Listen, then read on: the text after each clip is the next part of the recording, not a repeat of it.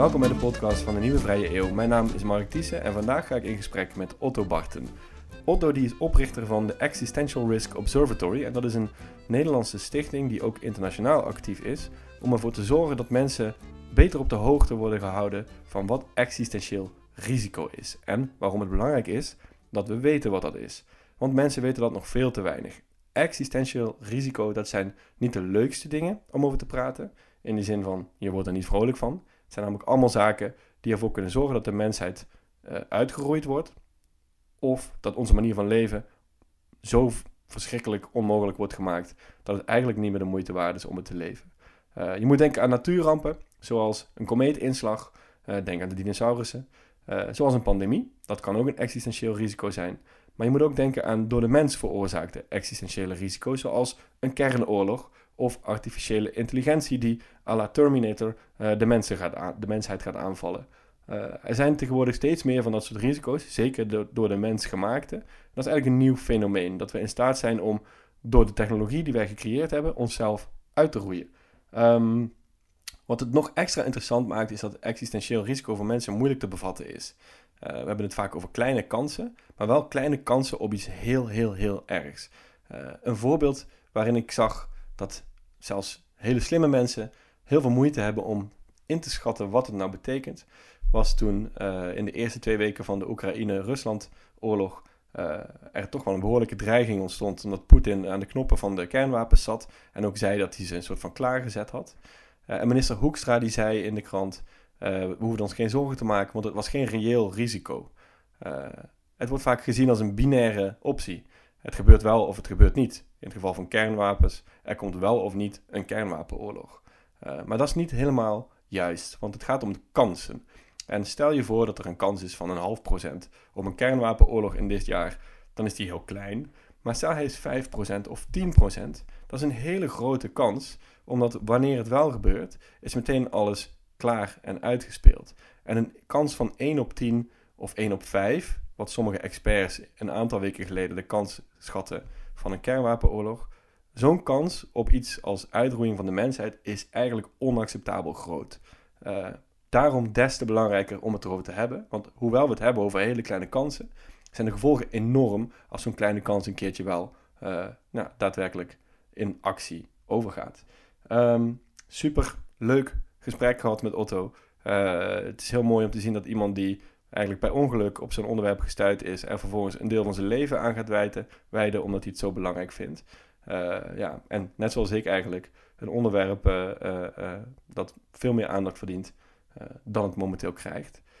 tot slot nog even een bedankje aan onze meest recente vrienden van de show. ben, Huub en Spinoza. Heel veel dank voor jullie contributie.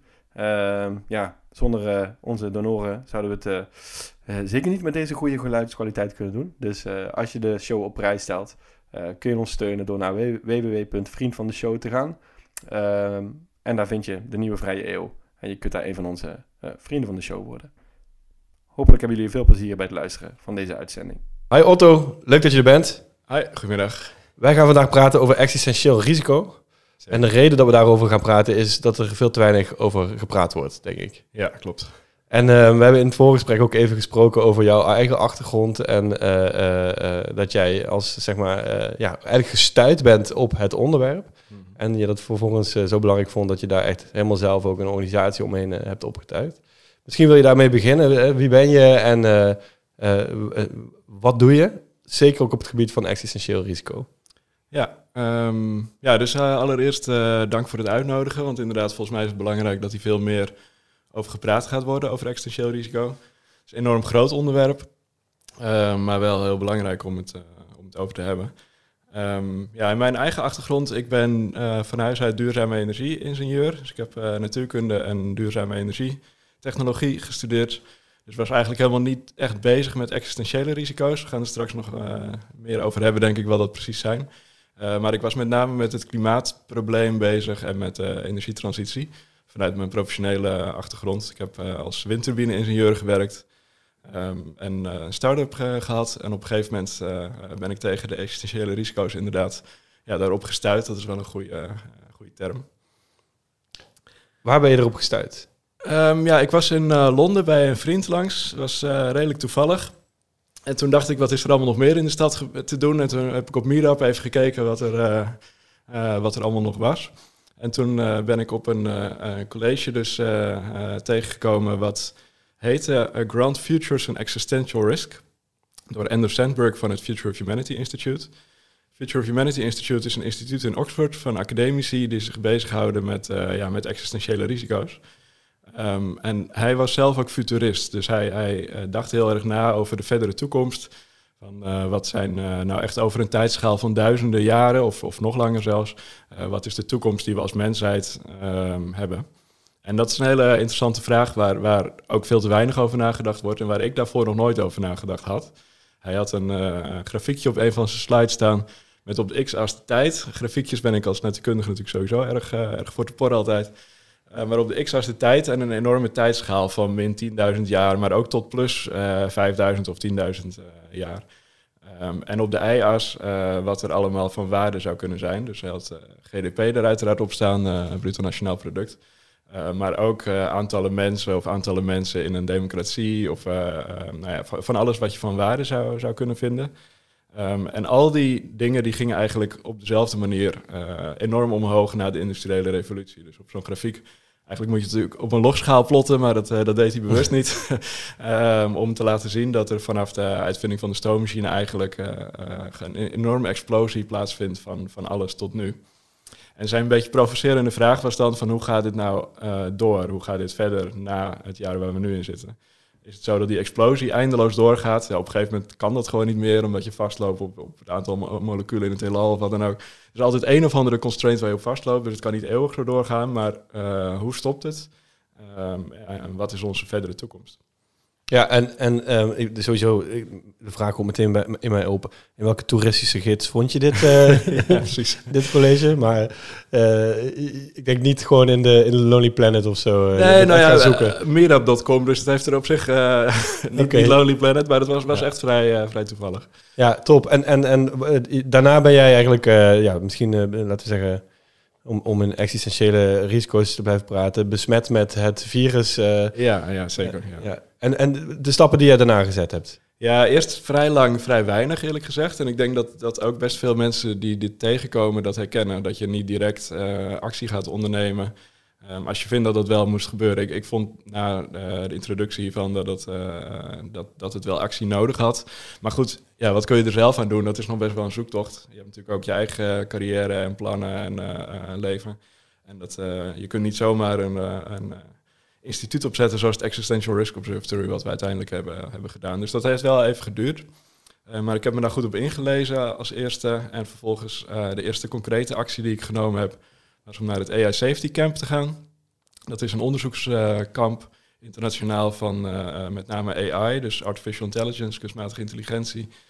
Eh, eh, studenten en, eh, eh, en onderzoekers die daar uitvogelen van is eh, ehm, hoe maak je AI veilig? We gaan later met elkaar nog wel over existentiële risico's van AI hebben, maar hoe, hoe doe je dat veilig? Ehm, en ehm, ja, is, is, dat, ehm, is dat een existentieel risico? Dat was eigenlijk de vraag waar ik, eh, waar ik daarvoor kwam.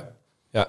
En misschien dat we even in, in één zin, eh, twee mag ook, dat je kan duiden van wat is dan een existentieel risico. En dan vind ik het heel interessant om ook van jou te horen waarom je die Ex- Existential Risk Observatory hebt opgericht en wat je daarmee doet. Ja, ehm, dus ja, de definitie van existentieel risico, eigenlijk gaat het over het uitsterven van de mensheid. Daar komt het eh, in het heel kort Ah, gezellig. Ja. op neer. Dus dat is, is een gezellig onderwerp. Ehm, toch ja, denken wij dat daar te weinig over gepraat wordt, hoewel het niet zo eh, prettig is per se om over na te denken. Ehm, maar wel enorm belangrijk. En je zou het ook wel weer kunnen zien als een mogelijkheid om iets heel goeds te doen als je, als je dat kan voorkomen. Ehm, dus het gaat over het, het uitsterven van de mensheid, maar de academische definitie die, die Toby Ord eh, gebruikt, onder andere, is, ik doe hem even in het Engels, eh, risks that threaten the destruction of humanity's long-term potential. Ja. Ehm, en daaronder schaart hij dus eh, human extinction, menselijk uitsterven, maar ook unrecoverable collapse of een dystopian lock-in. Ja. Eh, dus dat is de officiële eh, definitie waar we van uitgaan. Ja, dus het gaat, het gaat ook, het gaat niet alleen over iedereen is dood, hè, maar ook over eh, een schade die zo groot is aan, aan de mensheid en de cultuur en de samenleving, dat, er, Ja, dat je niet meer kan spreken van een, een nou, hoe zou je het definiëren? Een fijne... Een positieve toekomst Ja, eigenlijk. positieve dat je, toekomst. Ja, inderdaad. dus Eh, waar wij nu bezig zijn met zeg maar, koopkrachtplaatjes. Hè? Dus eh, ja. als we dit doen, dan gaat eh, de koopkracht eh, een kwart procent omlaag bij die groep. Hier hebben we het gewoon over samenlevingen zoals we kennen. Die houden op met bestaan. Ja. En mensen gaan echt moeite hebben met nog überhaupt eh ja, dat klopt. Eh, en, en ook- dystopisch. En eh, ja, ehm, en die dystopie-lat die ligt ook best wel hoog. Eh, dat is moet je echt denken aan een soort van, van super Noord-Korea met, met AI, wat ons altijd in die staat houdt, zodat we daar nooit meer uit kunnen ontsnappen. Dus echt, echt vrij, vrij naar. Ja. Ehm, dat, dat valt dan onder een existential risk. Ja. Eh, maar de hoofdmoot van existential risk is eigenlijk echt dingen die, die menselijk uitsterven veroorzaken. Dat lijkt ook het, eh, ja, binnen die categorie het eh, waarschijnlijkste scenario helaas. Het waarschijnlijkste scenario. Oké, leuk. Nou, je komt er lekker in zo. eh. Ja, het, eh, het is gezellig vanmiddag. Ja, top. Ehm, en, en, en vervolgens, jij richt het eh, Existential Risk Observatory in Nederland op. Is, er, Ja. is het Nederland? Is het internationaal?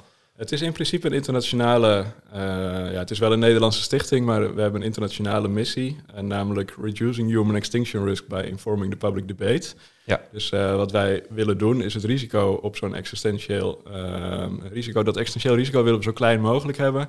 Ehm, en onze manier daarvoor is om het maatschappelijk debat eh, te informeren en eigenlijk eh, op gang te helpen. Ja, en, en dat is belangrijk. eh, want eh, mensen hebben het eigenlijk nog niet...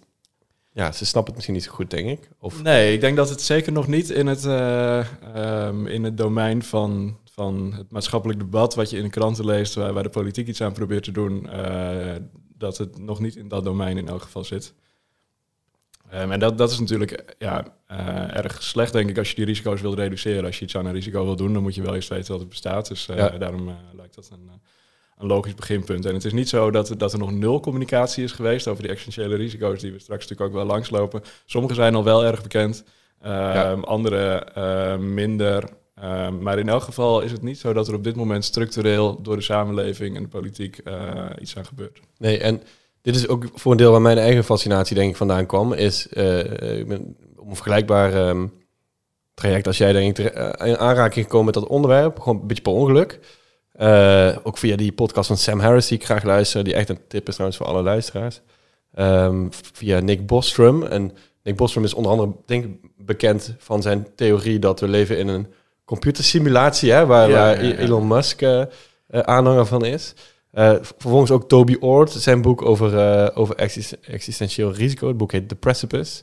Ehm, en hetgene wat mij... Ten eerste, het is natuurlijk heel interessant. De scenario's overdenken waarin de mensheid inderdaad ofwel uitsterft... ofwel zo verschrikkelijk wordt geraakt dat er niet meer een fatsoenlijk leven mogelijk is. Maar wat mij met name fascineert is hoe mensen eigenlijk... hoe slecht mensen in staat lijken te zijn om dat soort kansen te snappen. Dus st- Toby Ord geeft in zijn boek ook kansen aan bepaalde scenario's. En zegt dat hij, ik, even uit mijn hoofd, een bepaald scenario op uitsterven een kans van 2% geeft. Dan denkt iedereen, oh, dat, is 2%, dat, is, dat, dat gebeurt dus niet. Maar het is het eigenlijk een gigantisch onacceptabele kans op het uitsterven van de mensheid. Het is een veel te grote kans Veel natuurlijk. te grote En- en kans. dat, dat zie je eigenlijk het duidelijkst, vind ik, als je het vergelijkt met de natuurlijke eh, risico's. Dus er zijn natuurlijk ook natuurlijke existentiële risico's. Er kan een meteoriet op ons vallen of er kan een supervulkaan eh, ontploffen. Dat zijn denk ik de twee belangrijkste. Eh, maar de kans daarop is echt veel kleiner. We, we leven al 300.000 jaar ongeveer en in die 300.000 jaar zijn we nog nooit uitgestorven. Eh, dus, dus in het komende jaar is dat een kans van 1 op 300.000 ongeveer. Dus dat is echt veel kleiner dan die, die 2% die, eh, die je net noemde. Ja, Uh, dus dat is, ja, dat, dat, dat, we hebben in elk geval met z'n allen, helaas door ons, ja, door ons eigen handelen, toch de kans op uitsterven veel groter gemaakt. Ja. Echt orde is groter dan, dan van, vanuit de natuur. Uh, dat, is, dat is een beetje het probleem wat we willen oplossen eigenlijk. ja. Ja, en, en, en een bijkomend probleem is dan denk ik dat mensen statistiek dus niet goed begrijpen en kansen Ja, zeker. inschatten. Ja, ja, klopt. Dat is, er is ook een leuk onderzoekje gedaan. Uh, als je aan mensen vraagt hoeveel, ze, hoeveel dollar waren de Amerikanen, geloof ik, zij willen uitgeven om 2000 vogels te, te redden van een uh, verdrinkingsdood in een poel olie of iets dergelijks. Um, of 20.000 vogels of 200.000 vogels, dan komt er ongeveer hetzelfde bedrag uit. Ja. Uh, terwijl het natuurlijk vanuit vogelperspectief, ja, het, maakt uit hoeveel dat er zijn. En je zou verwachten 100 keer zoveel vogels is 100 keer zoveel uh, geld waard om, om te redden. Maar zo denken mensen niet. En, dat, dat kom je ook bij existentiële risico's tegen. Ja, ja. het is. Het is um Ik ben, eh, het is ook een beetje hoe je het uitlegt, hè, denk ik. Want zo'n eh, zo'n zo'n risico van 10% bijvoorbeeld, stel eh, rondom eh, ehm, eh, Rusland-Oekraïne, de kans stijgt ineens gigantisch dat er een kernoorlog ontstaat. Hè. Ik, ik zei net in ons voorgesprek, ik schatte hem zo tussen de 10 20 procent. Nog steeds als je tegen iemand zou zeggen, de kans is 10% dat dat gebeurt, zou je gaan verhuizen met je gezin, zouden ze zeggen, nee, nee, nee, want het gebeurt niet, 10% Terwijl als ik tegen diezelfde persoon zou zeggen, jij moet nu met je zoontje hier oversteken, Ja. deze Ja. straat. En iedere tien keer dat iemand oversteekt, wordt hij doodgereden. Zou je dat doen? En die persoon zou niet oversteken. Ja. Maar het is hetzelfde risico in principe. Hè? Dus het, het, is, het, is een, het is een heel moeilijk over te brengen. Ja, precies. concept of er- zo. Er zit ook een andere bias, denk ik, in. Inderdaad, dit, dit is een, eh, een goede dat mensen gewoon niet, niet makkelijk in kansen en in cijfers eh, kunnen denken. Ehm, maar een andere is ook de availability bias, heeft eh, Jutkowski het genoemd. En namelijk, als je nog nooit iets gezien hebt, dan denk je ook dat het nooit gaat gebeuren intuïtief.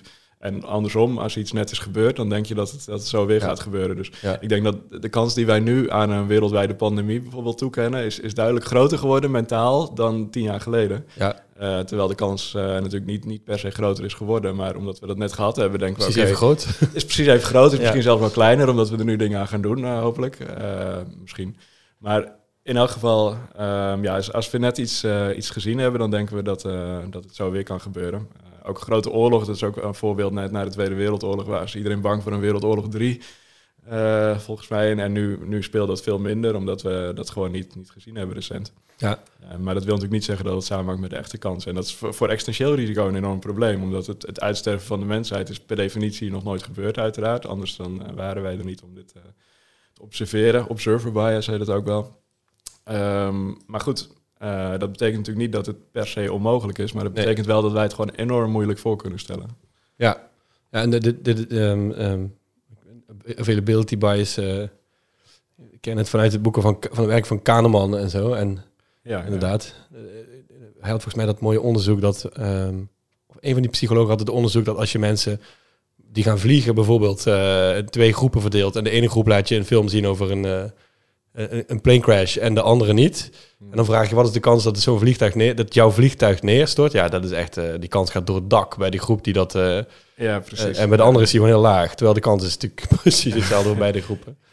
Ehm, ja, super interessant. Ehm, ik- we hebben ook, ja, je hebt eigenlijk al geïntroduceerd wat is eh, eh, existentieel risico. Ehm, ik, ik zit zelf ook wel... Dat kan ook availability bias zijn, omdat ik natuurlijk nu bezig ben met het onderwerp. Maar voor mijn gevoel is onze tijd... Is, het wordt een tijd van de existen- existential risk. Hè? We- omdat we misschien als mensheid ook steeds meer zelf in staat zijn om dat soort risico's te creëren. Ja, ik, ik hoop het niet natuurlijk. Ik hoop dat het, eh, dat het een korte periode is waar we vrij snel weer afscheid van kunnen nemen. Maar het, het lijkt er inderdaad wel op dat, eh, dat existentieel risico eh, een groot vraagstuk van, van de komende eeuw wordt, eh, denk ik. Ja, ja. En ehm, ja, natuurlijk iets waar ik eh, heel benieuwd naar ben is, wat zijn voor jou de voorbeelden hè, van existentieel risico? Nou, de, de bekenden, maar ook de wat minder bekende. Eh, kun je er een paar noemen? Eh, ja, zeker. Ehm, nou, ik zal beginnen met de, de voorbeelden die iedereen denk ik het meest herkent. We hebben het al even over nucleaire oorlog gehad. Eh, dat is een existentieel risico. We zouden uit kunnen sterven vanwege een nucleaire oorlog. Ehm, met een nucleaire oorlog moet je dan nog best wel je best doen. Het is niet, niet eens zo dat je bij elke nucleaire oorlog eh, uitsterft. En het, het eh, mechanisme zou dan een nucleaire winter zijn. Ja. Dus als je alleen maar kernbommen gooit, tussen aanhalingstekens alleen maar... Ehm, maar het is niet zo dat, er- dat, daar veel, eh, dat daar ook een nucleaire winter uit volgt. Dan, dan eh, zal je daar niet snel door uitsterven. Een nucleaire winter is dat het zonlicht ge- geblokt wordt hè, door... Eh, ja, ja, precies. Dus wat er gebeurt is dat je een, eh, een atoombom op een, op een stad gooit. ehm, en daar komt dan veel fijnstof bij vrij, omdat er van alles eh, in de brand vliegt. En er komt een enorme zuigende kracht naar boven in de, de stratosfeer. Is dat volgens mij iets van 10 kilometer hoog. Ehm, en daar gaat dat fijnstof naartoe. En in die stratosfeer regent het niet meer uit. Er is geen, eh, geen, geen regen die dat, eh, die dat op aarde laat, eh, laat neerkomen. Dus het blijft daar hangen. En dat kan er enkele jaren blijven hangen. En dan blokkeert het zonlicht. En dan wordt de temperatuur op aarde lager. Ehm, en als je dat met, met ja, een, een behoorlijk aantal, tientallen tot honderden atoombommen zou doen, dan zou de temperatuur op aarde echt tientallen graden lager kunnen worden. Misschien 10 tot 20 graden of iets dergelijks. Ehm, en dat blijft dan een aantal jaren zo. En dat zou dan waarschijnlijk het mechanisme zijn wat, Ja. eh, wat uitsterven veroorzaakt uiteindelijk. ja, precies. En ehm, eh, je hebt natuurlijk bij wat, hoe, hoe schat jij zelf een kernoorlog het, zeg maar, als existentieel risico in?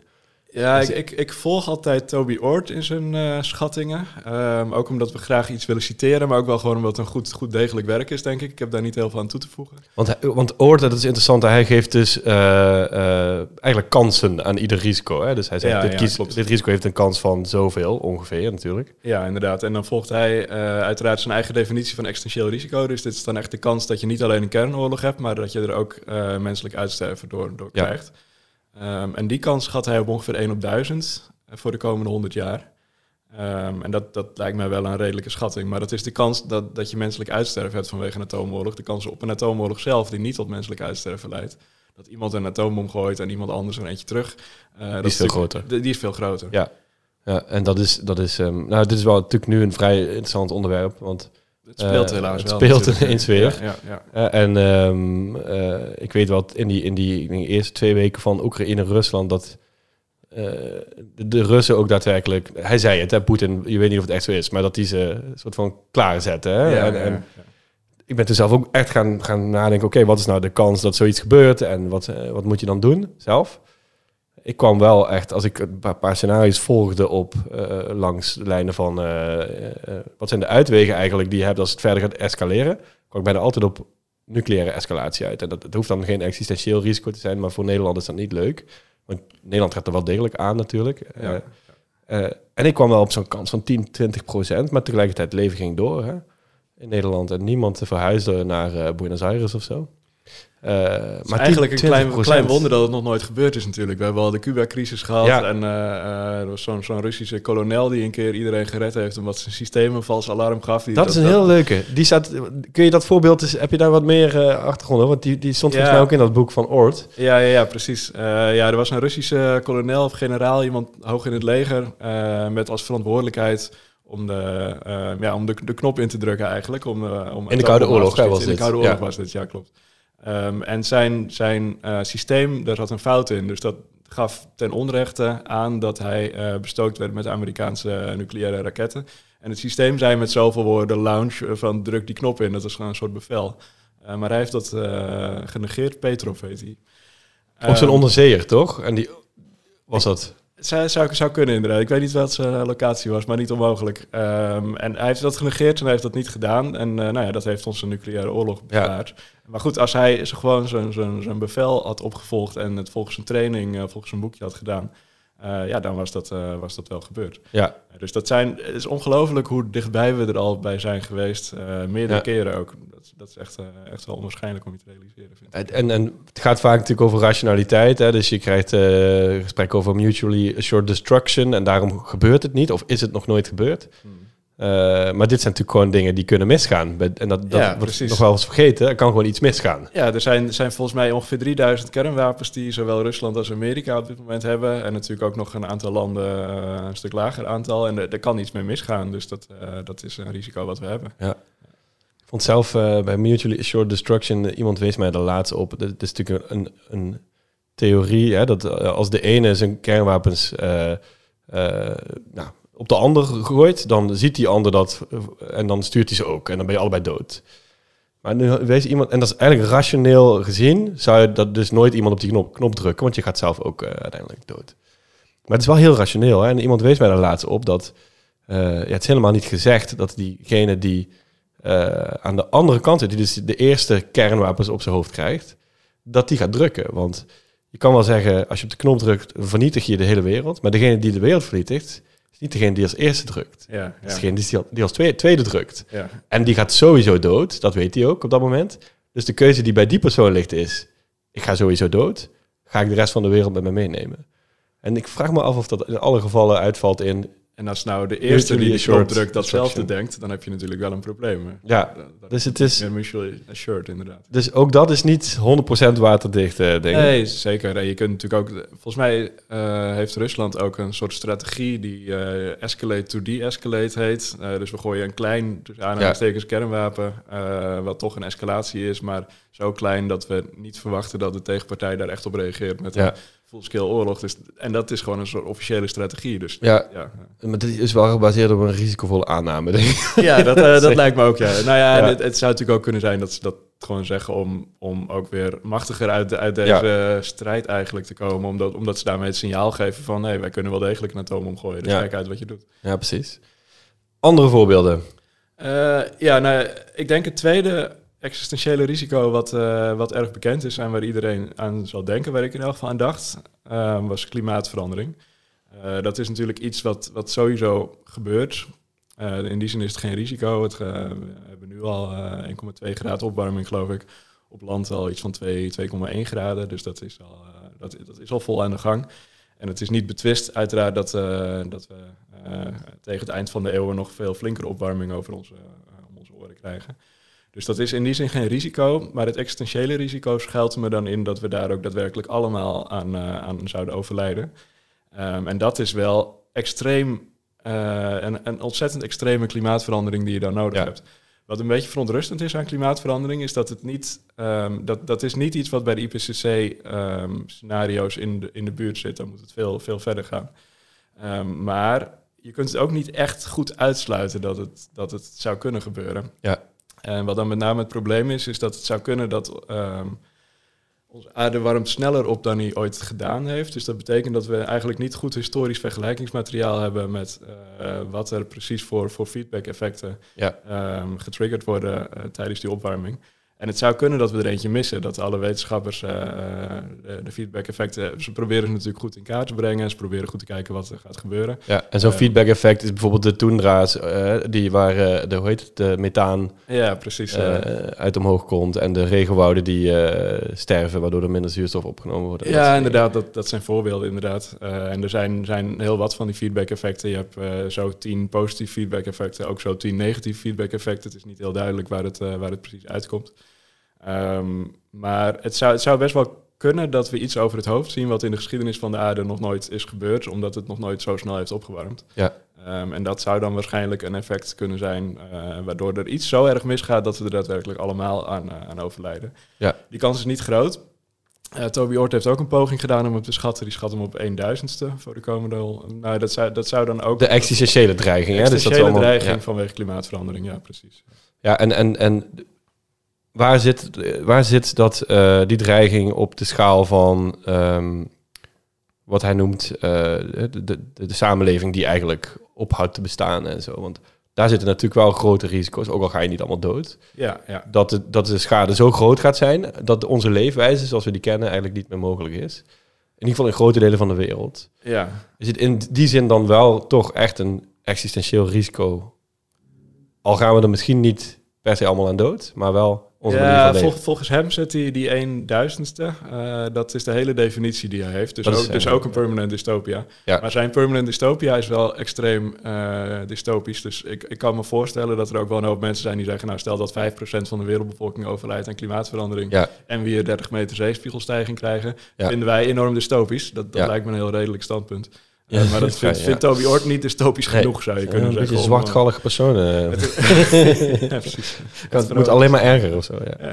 Nee, precies. Ja, dat zijn de scenario's die natuurlijk wel reëel zijn hè, bij eh, klimaat. eh, Ja, dat is, dat is helaas wel Hele gebieden die onbewoonbaar eh, worden, samenlevingen die eh, op bepaalde plekken gewoon niet meer kunnen bestaan. eh, enorme stromen, immigratie, dreigingen die daaruit voortkomen, stijgende. Ja, het, wordt er niet blij. Het is eigenlijk al dystopisch vanaf een graad of 2,5 of zo. Ja, dat, eh, het, het is natuurlijk een enorm probleem waar gewoon heel veel mensen nu al onder lijden en nog veel meer mensen in de toekomst eh, onder gaan lijden. Dus, dus we moeten dat zeker eh, zo snel mogelijk oplossen. Ehm, Hoe, hoe zie jij dan, dan ehm, ehm, hoe zuiver moet je zijn in het, in het kiezen van een onderwerp als existentieel risico? Hè? Dus eh Oort zegt, de kans is heel klein en, en de kans op iets, op, op iets echt heel ergs, zoals uitsterven of een, of een dystopie, is heel klein.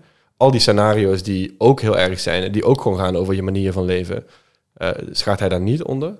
Maar moet je daar heel zuiver in zijn? Of zeg je, dit is zo erg, gaat zoveel veranderen... dat we het wel degelijk echt een existentieel risico kunnen noemen? Ook als het niet die definitie van, van Oort volgt. Ja, het is in zekere zin een. eh, eh, het is wel echt een academische discussie. Maar het, het, ehm, het, het is niet zo dat wij zeggen, omdat wij Existential Risk Observatory zijn, is de rest niet meer belangrijk. Mhm. Uh, dus eh, wij denken wel dat de existentiële risico's het allerhoogst zouden moeten staan op de prioriteitenladder, waar ze nu ongeveer het allerlaagst staan. Dus er is gewoon enorm veel uh, ruimte om er iets aan te doen. Um, maar het is niet zo dat we zeggen, oké, okay, we gaan ons nu alleen maar met existentiële risico's bezighouden. Uiteraard zijn er ook, ook heel veel andere ja. uh, dingen die ook, ook heel erg zijn, waar je ook echt iets aan wil doen. Uh, global catastrophic risks wordt wel gebruikt als, uh, als definitie voor dingen die, die ja, wel een slag minder erg zijn, geen menselijk uitsterven veroorzaken, maar nog steeds wel echt enorm maar niet leuk groot zijn. probleem zijn. Ja. Ja, precies. Oké, okay, um, eentje die mij fascineert en ik denk jou ook wel is artificiële intelligentie. Ja, een totale black box, denk ik. Uh, maar toch, iets wat mij schokte, ik weet niet waar ik dat gelezen heb. Er is een, er is een, uh, een peiling gedaan onder Amerikaanse, uh, laten we zeggen, AI-experts. mensen die, die eraan werken en die, waar gevraagd werd, wat is, wat, hoe schat jij de kans in dat er in de komende eeuw of zo dit echt een existentieel, existentieel niet risico, maar dat er gewoon iets gaat gebeuren waardoor de mensheid inderdaad ja, niet meer kan leven of niet meer kan leven zoals we dat nu fijn zouden vinden. En het, volgens mij werd het daar boven de 50% geschat in die groep. En toen dacht ik, wauw, als de mensen die eraan werken dat risico zo hoog inschatten, uh, dat is wel schokkend. Ja, dat, dat vind ik ook. Um, ik kan er misschien nog iets meer over vertellen waarom het een, een om te beginnen, de, de kans is, is inderdaad, wat, wat jij zegt, is een, uh, is een goede introductie. Um, wij schatten hem op, uh, op, nou ja, met Toby Ort schatten wij hem op 10%. Uh, het existentiële risico vanwege AI in de komende 100 jaar. En hij splitst dat nog op als um, de kans dat, um, dat AI uit, dat artificial general intelligence wordt uitgevonden. Want AI uh, die we nu hebben, gewone artificial intelligence, die kan over het algemeen maar één ding. Die kan bijvoorbeeld heel goed Go spelen of heel goed schaken of er kan een auto eventueel bijna rijden. Maar dat is niet gevaarlijk uiteraard, um, of in elk geval niet op die manier. Maar uh, wat er in de toekomst zou kunnen gebeuren is dat we artificial general intelligence uitvinden. En dat betekent AI die beter is in alles dan, dan wij per definitie. Ja. Uh, en die AI bestaat op dit moment nog niet, maar daar wordt wel aan gewerkt. Um, en de vraag is, de hamvraag is een beetje, gaat dat lukken en zo ja, wanneer gaat het lukken? Ja. Uh, en Toby Ort schat de kans dat dat lukt erg groot in. En hij schat de kans dat het, dat het vervolgens veilig lukt ook nog redelijk groot in. Maar dan komt hij toch op een, op een percentage van 10% dat het, dat het allebei niet... Dat, nou ja, dat, dat het wel lukt om AGI te bouwen, maar niet om dat veilig te, doen. Ja, dat, dat, is, dat klinkt heel laag. 10% is, heel is hoog. enorm. Dat is, Is echt. eh, dat, Ja. dat is, eh, eh, ja, we hebben er een grafiekje van gemaakt op onze site om het een beetje visueel te presenteren. En die 10% is de enorme bar links in het grafiekje. En klimaatverandering valt weg, omdat het maar eh 0,1% is, 0,1, oftewel een duizendste. Ja. Eh, ik heb wel eens een, eh, een beetje boze klimaatactivist eh, een mailwisseling mee gehad. Die zei van ja, je, jij ondergraaft de urgentie om iets aan klimaat te doen. Maar dat is niet mijn punt. Het, punt is dat, gewoon dat, dat andere risico's op de existentiële schaal enorm veel groter zijn. Ja. Wat is het probleem met, met AI?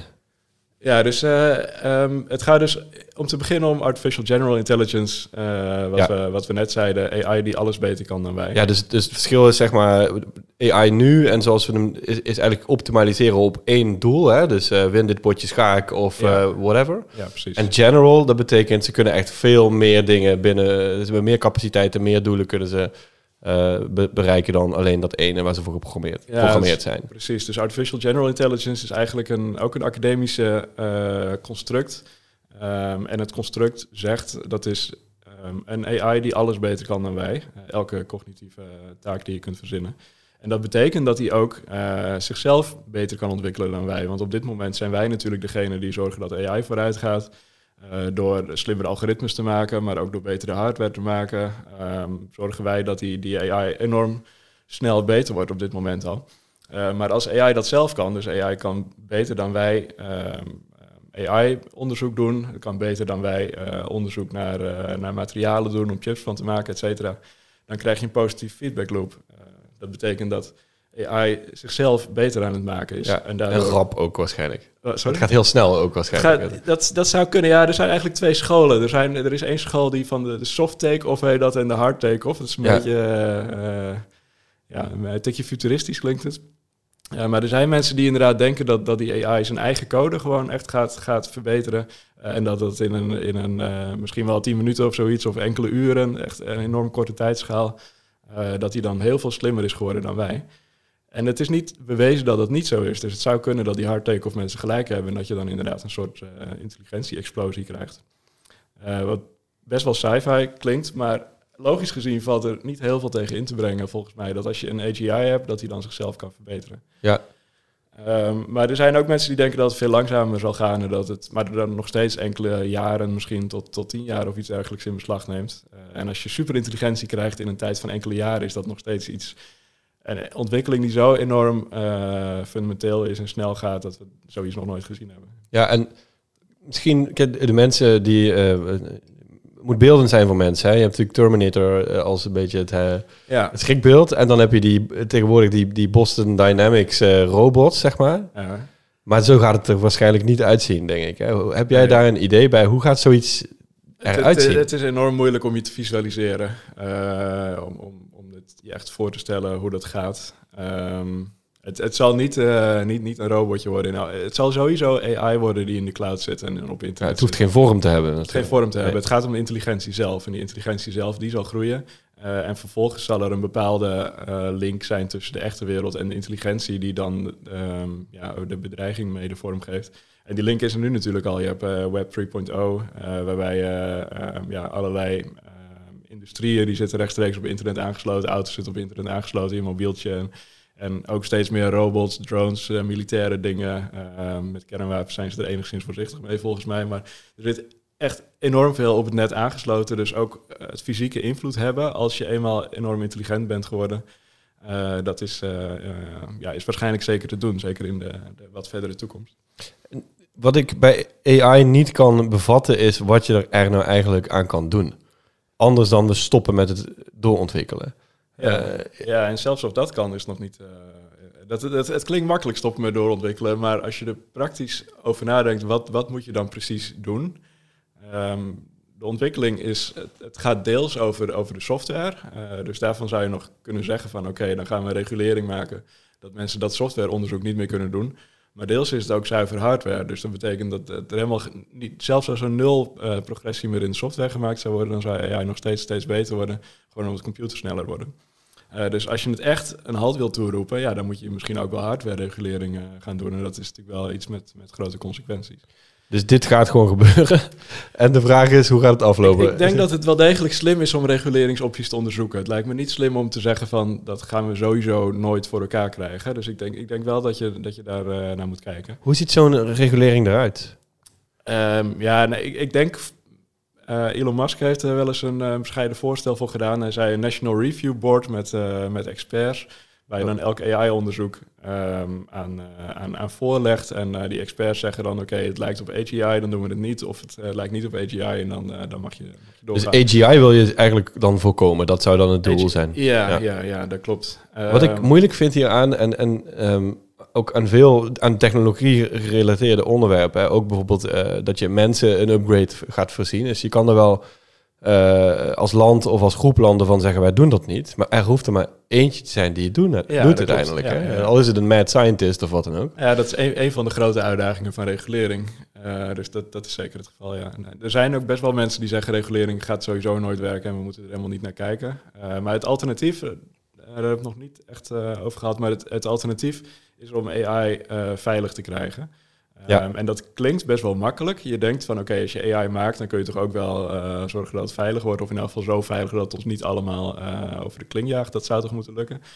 maar dat is veel moeilijker dan je denkt. Um, omdat die AI dus op de lange termijn waarde moet hebben die met die van ons overeenkomen. Het is niet zo dat die AI nog te stoppen is, echt. Dus je moet hem gewoon zo maken dat hij vanaf het begin ja. uh, dingen doet die wij willen. En het is heel moeilijk om, om te bedenken wat wij überhaupt willen. We willen ook allemaal andere dingen natuurlijk. Ik wil niet hetzelfde als jij en uh, wij willen Ja. niet hetzelfde als iemand in Zuid-Afrika of, uh, of iemand honderd jaar later. En je, en je programmeert het doel, dan, dan ga je eigenlijk vanuit dat, dat er controle is op de, het doel wat er wat in het systeem geprogrammeerd wordt. Hè? Dus Zij zou op meerdere manieren kunnen. Inderdaad. Ja. Dat is er één, dat, dat wij de controle over hebben. Het is natuurlijk ook wel weer tricky, want wie heeft er dan controle over? Stel dat, dat, eh, dat een terrorist bijvoorbeeld AI maakt, dan heeft die er ook controle over. Ja. Dus moet je dat willen of moet je toch weer een AI hebben die een soort van, eh, ja, wel controle, maar niet jij, want jij wil iets verkeers. Eh, dat, dat, dat zijn al, al vragen. Eh, een andere optie zou zijn om te zorgen dat die AI zelf het goede wil doen. Dus dat wij er geen controle over dan hebben. krijg je moreel, een moreel systeem eigenlijk. Ja, nou ja, dat, dat is wel waar, waar een van de opties waaraan gedacht wordt om, eh, om, het, eh, Ja. om het risico te beheersen. En, het, en want ehm, kijk, het, het moeilijke is in de unintended consequences. Hè? Dus je kan eigenlijk, je, je, je hebt maar een beperkte invloed op wat er gebeurt nadat je het maakt. Hè? En je weet nooit hoe, hoe dat doel, hè? stel je, je zet het doel erin, nou, dat klopt allemaal. Je weet nooit hoe dat doel gehaald gaat worden. hè. Dus dan moet je daar ook weer. Ik las een, een voorbeeld van, eh, eh, nou, was het een paperclip eh, AI of zo? Die moet paperclips maken. Nou, prima, gaan we paperclips maken. Ja. Maar die wordt zo sterk dat er zoveel paperclips gemaakt worden dat iedereen gewoon omkomt vanwege in de paperclip paperclips. Ja, iedereen ja, een paperclip. Eh, dus en, en, daar zitten natuurlijk ook, het lijkt mij ontzettend moeilijk om die controle te houden Ja. op dat soort enorm en- krachtige systemen. Dat is het fundamentele probleem eraan. Dat we tot nu toe, we hebben altijd enorm veel technologie ontwikkeld en veel wetenschap bedreven, maar dat was eigenlijk allemaal trial and error, eh, volgens mij. Dus we, we deden gewoon iets. Ehm, en dan bleek het op een gegeven moment te werken. En dan schreven we dan een paper over en we bouwden een machine ervan. En eerst, eerst ontplofte die misschien of zo, maar daarna deed hij het op een gegeven moment goed. Eh, en dat ontploffen was niet zo heel erg nog, omdat we eh, ja, toch. nou ja, het was in elk geval niet zo erg dat, dat we daardoor uitstierven of iets dergelijks. Ja, Maar hoe krachtiger de technologie je hebt, hoe, hoe vervelender die eerste eh, ontploffing eh, is. Bij de kernbom was dat natuurlijk al, eh, ja, de, de eerste kerntest, dat was ook, ook best wel een ding. Maar stel nou dat je iets maakt wat nog veel krachtiger is dan, dan kernenergie. ja, hoe ziet zo'n eerste experiment er dan uit? Dat, dat kun je niet echt meer onder controle houden. Nee. Hoe krachtiger de technologie is, in elk geval, hoe moeilijker het onder controle is te houden. in de eerste stadia en hoe slechter je eigenlijk trial and error kunt ontwikkelen. En dat is eigenlijk de enige methode waar we ervaring mee hebben. ja. Ja, ik moet even slikken. Maar ehm, eh, ja, we zitten al een beetje in de... In de, ehm, in de eh, wat, wat, wat moet je er eigenlijk mee, hè? Als je eenmaal beseft eh, dat het Ja. risico er is. Ehm, misschien kunnen we daar wat verder op doorgaan. Ik denk dat overheden ook gewoon niet op dit moment ermee bezig zijn. Een goed voorbeeld, ik las gisteren een interview, of deze week een interview met de oud-minister Rauwvoet, die nu volgens mij voor de GGD direct voorzitter is.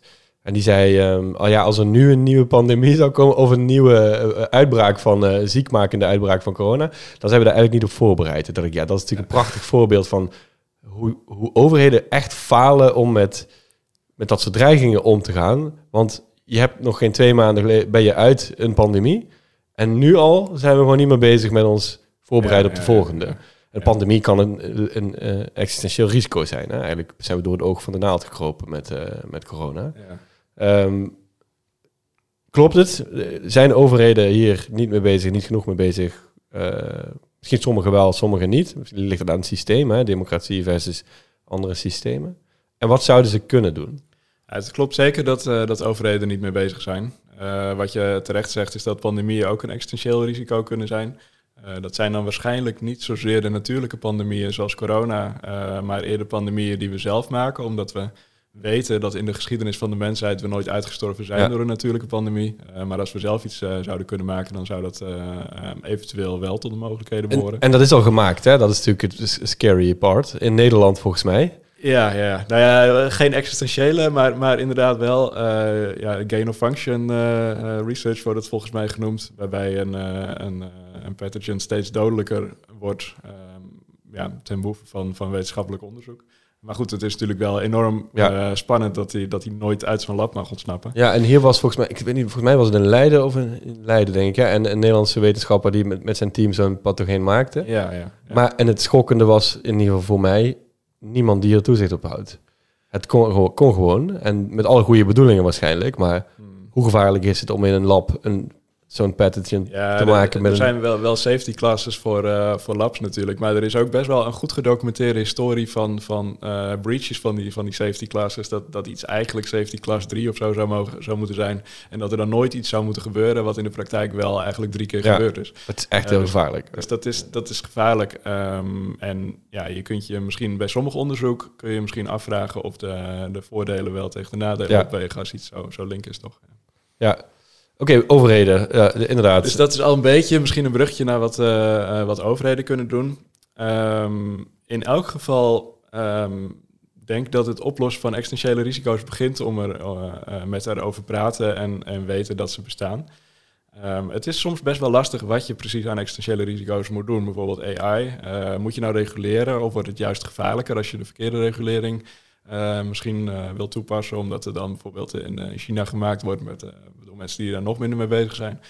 Ehm, Is het per definitie mondiaal nodig, de, een aanpak of een beleid bij zo'n probleem? Eigenlijk, nou ja, je je kunt als Nederland wel, wel unilateraal dingen doen. Wat je bijvoorbeeld heel goed kan doen is onderzoek steunen. Eh, op dit moment wordt er eigenlijk verrassend weinig onderzoek gedaan naar existentiële risico's. En ook, ook kort. En ook door, ehm, ja, door mensen die, die wel uit een bepaalde achtergrond komen. Een beetje uit de, de, ehm, ehm, uit de futuristische achtergrond. Maar ook wel vanuit de, de tech-startup achtergrond. Dus bijvoorbeeld Elon Musk sponsort dat onderzoekdeel.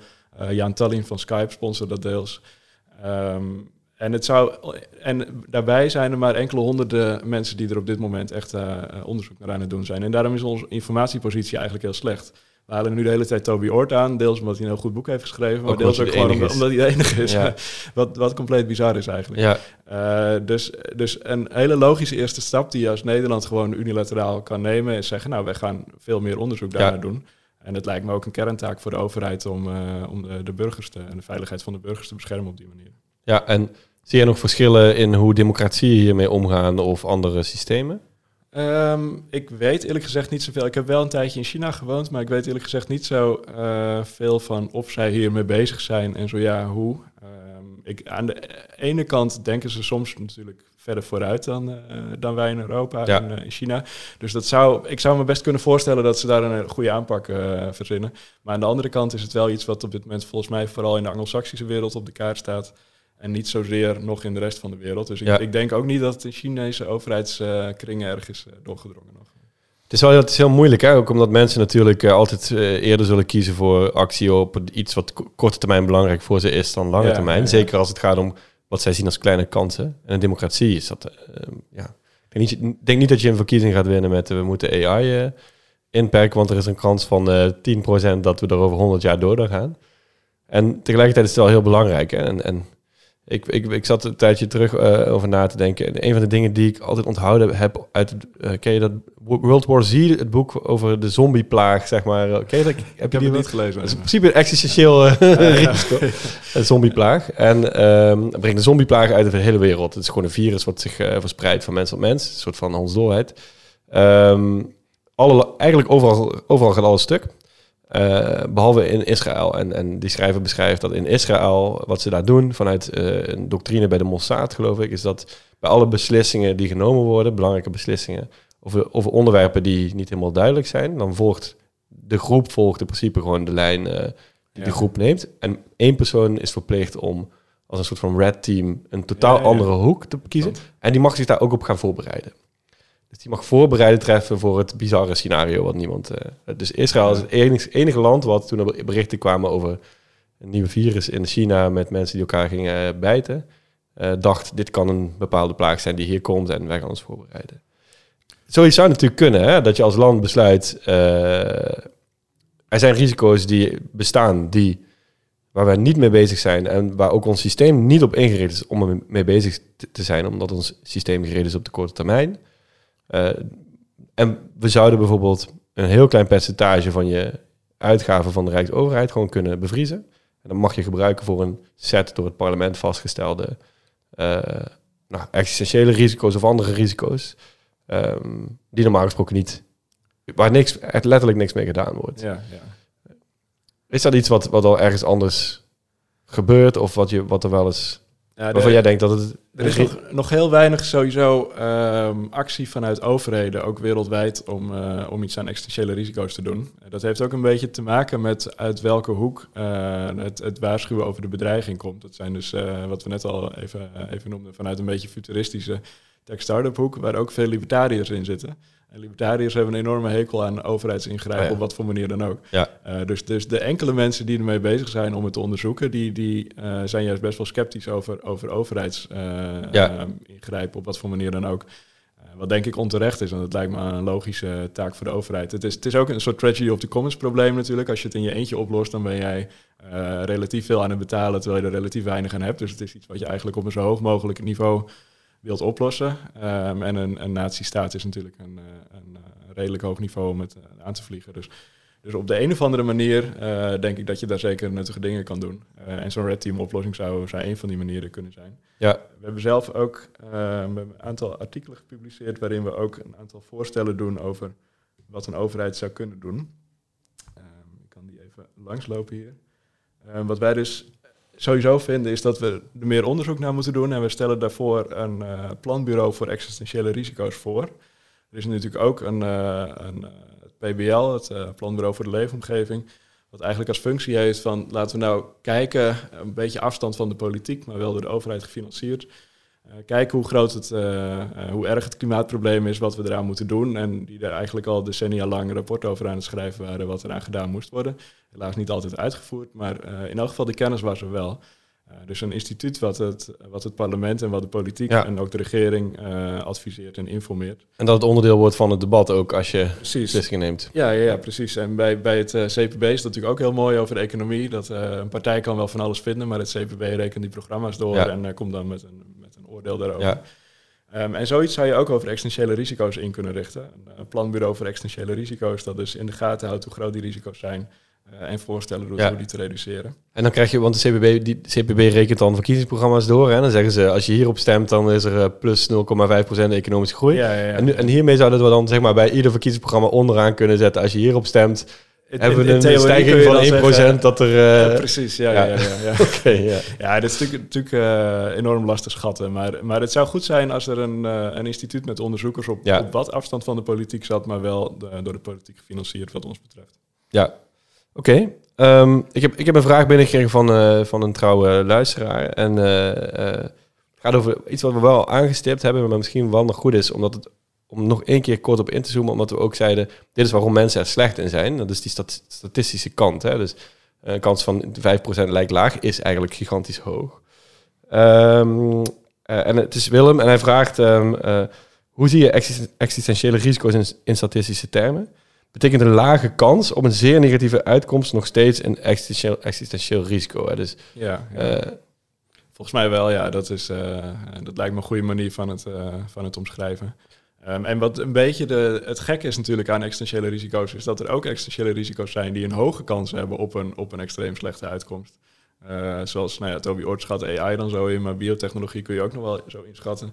Unknown unknowns, wel een a- a- interessante categorie waar we het nog niet zoveel over gehad hebben, maar eh, die, die ook heel groot is eigenlijk. Dus dat zijn risico's met zowel een hoge kans als een hele erge uitkomst. Dus dat is echt, eh, ja, dat zou, zou heel hoog in de prioriteitenlijst moeten staan. Maar ik ben het helemaal eens dat als je een, eh, een risico hebt met een, met een lage kans, maar wel een extreem slechte uitkomst, dat je daar ook eh, Ja. ja, aandacht aan moet besteden. ja, en hoe, hoe extremer de uitkomst, hoe minder acceptabel. Ja, eh, ik, lage denk, kansen denk dat, dat, dat een sommetje in de, de categorie van verwachte overlijdens keer kans, dat dat, dat, Ja. dat best redelijk kan zijn. Ja. en, en je kunt daar, wat ook nog zo is bij existentiële risico's, is dat je natuurlijk de hele toekomst ook op het spel zet. Van de niet geboren mensen. Niet geboren ja. mensen. En eh, ja, precies. Ehm, en die toekomst kan enorm groot zijn. We hebben natuurlijk nog heel veel generaties. Er is iemand in Utrecht die een eh, stichting heeft opgericht. Die heet 500 Million Generations. Eh, dus dus ja, het zou, zou kunnen dat er nog enorm veel generaties na ons zijn.